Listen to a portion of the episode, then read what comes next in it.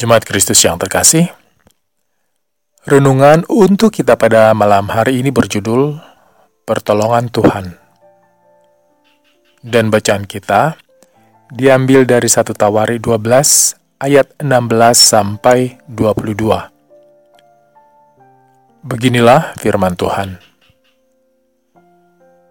Sebagian dari Bani Benyamin dan Yehuda datang kepada Daud di kubu itu Lalu keluarlah Daud menyongsong mereka.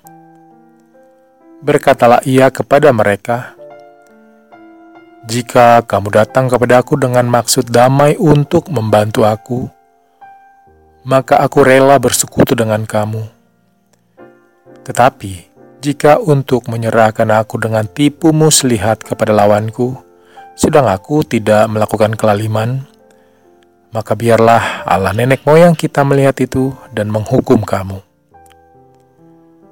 Lalu roh menguasai Amasai, kepala ketiga puluh orang itu.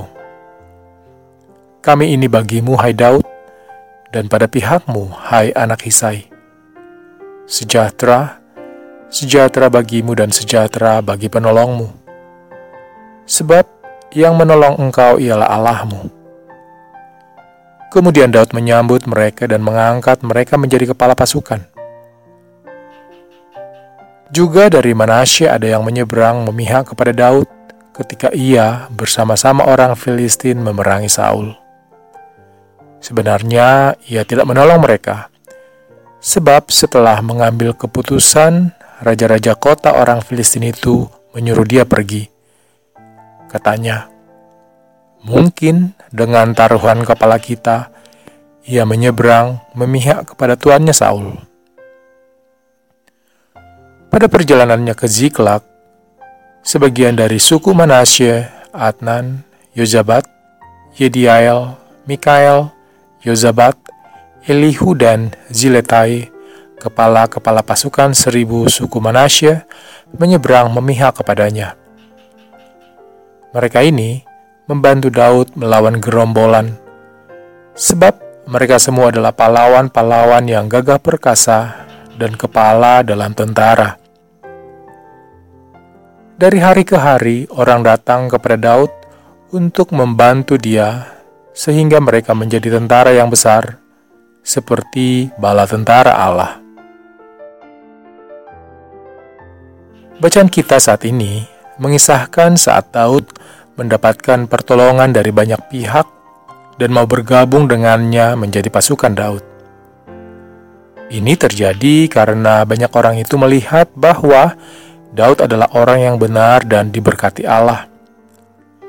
Daud pun menerima mereka dan menjadikan mereka pasukan yang tangguh. Ini terjadi karena kehidupan Daud yang melakukan apa yang benar di hadapan Allah.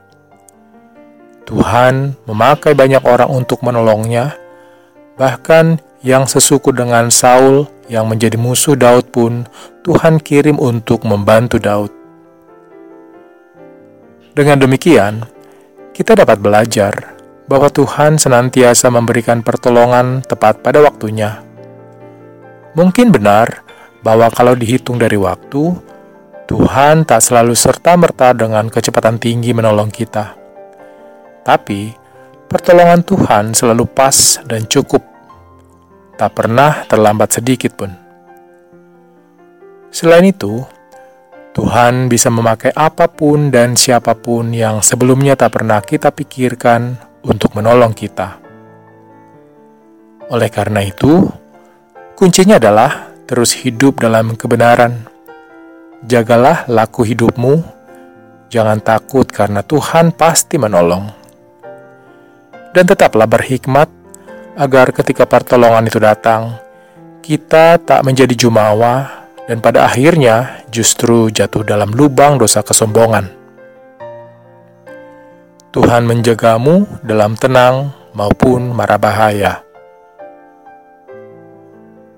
Demikianlah renungan untuk malam ini. Semoga damai sejahtera dari Tuhan kita Yesus Kristus tetap memenuhi hati dan pikiran kita. Amin. Dan sekarang, marilah kita melipat tangan dan bersatu hati untuk menaikkan pokok-pokok doa yang ada dalam gerakan 221 GKI Sarwa Indah. Mari berdoa.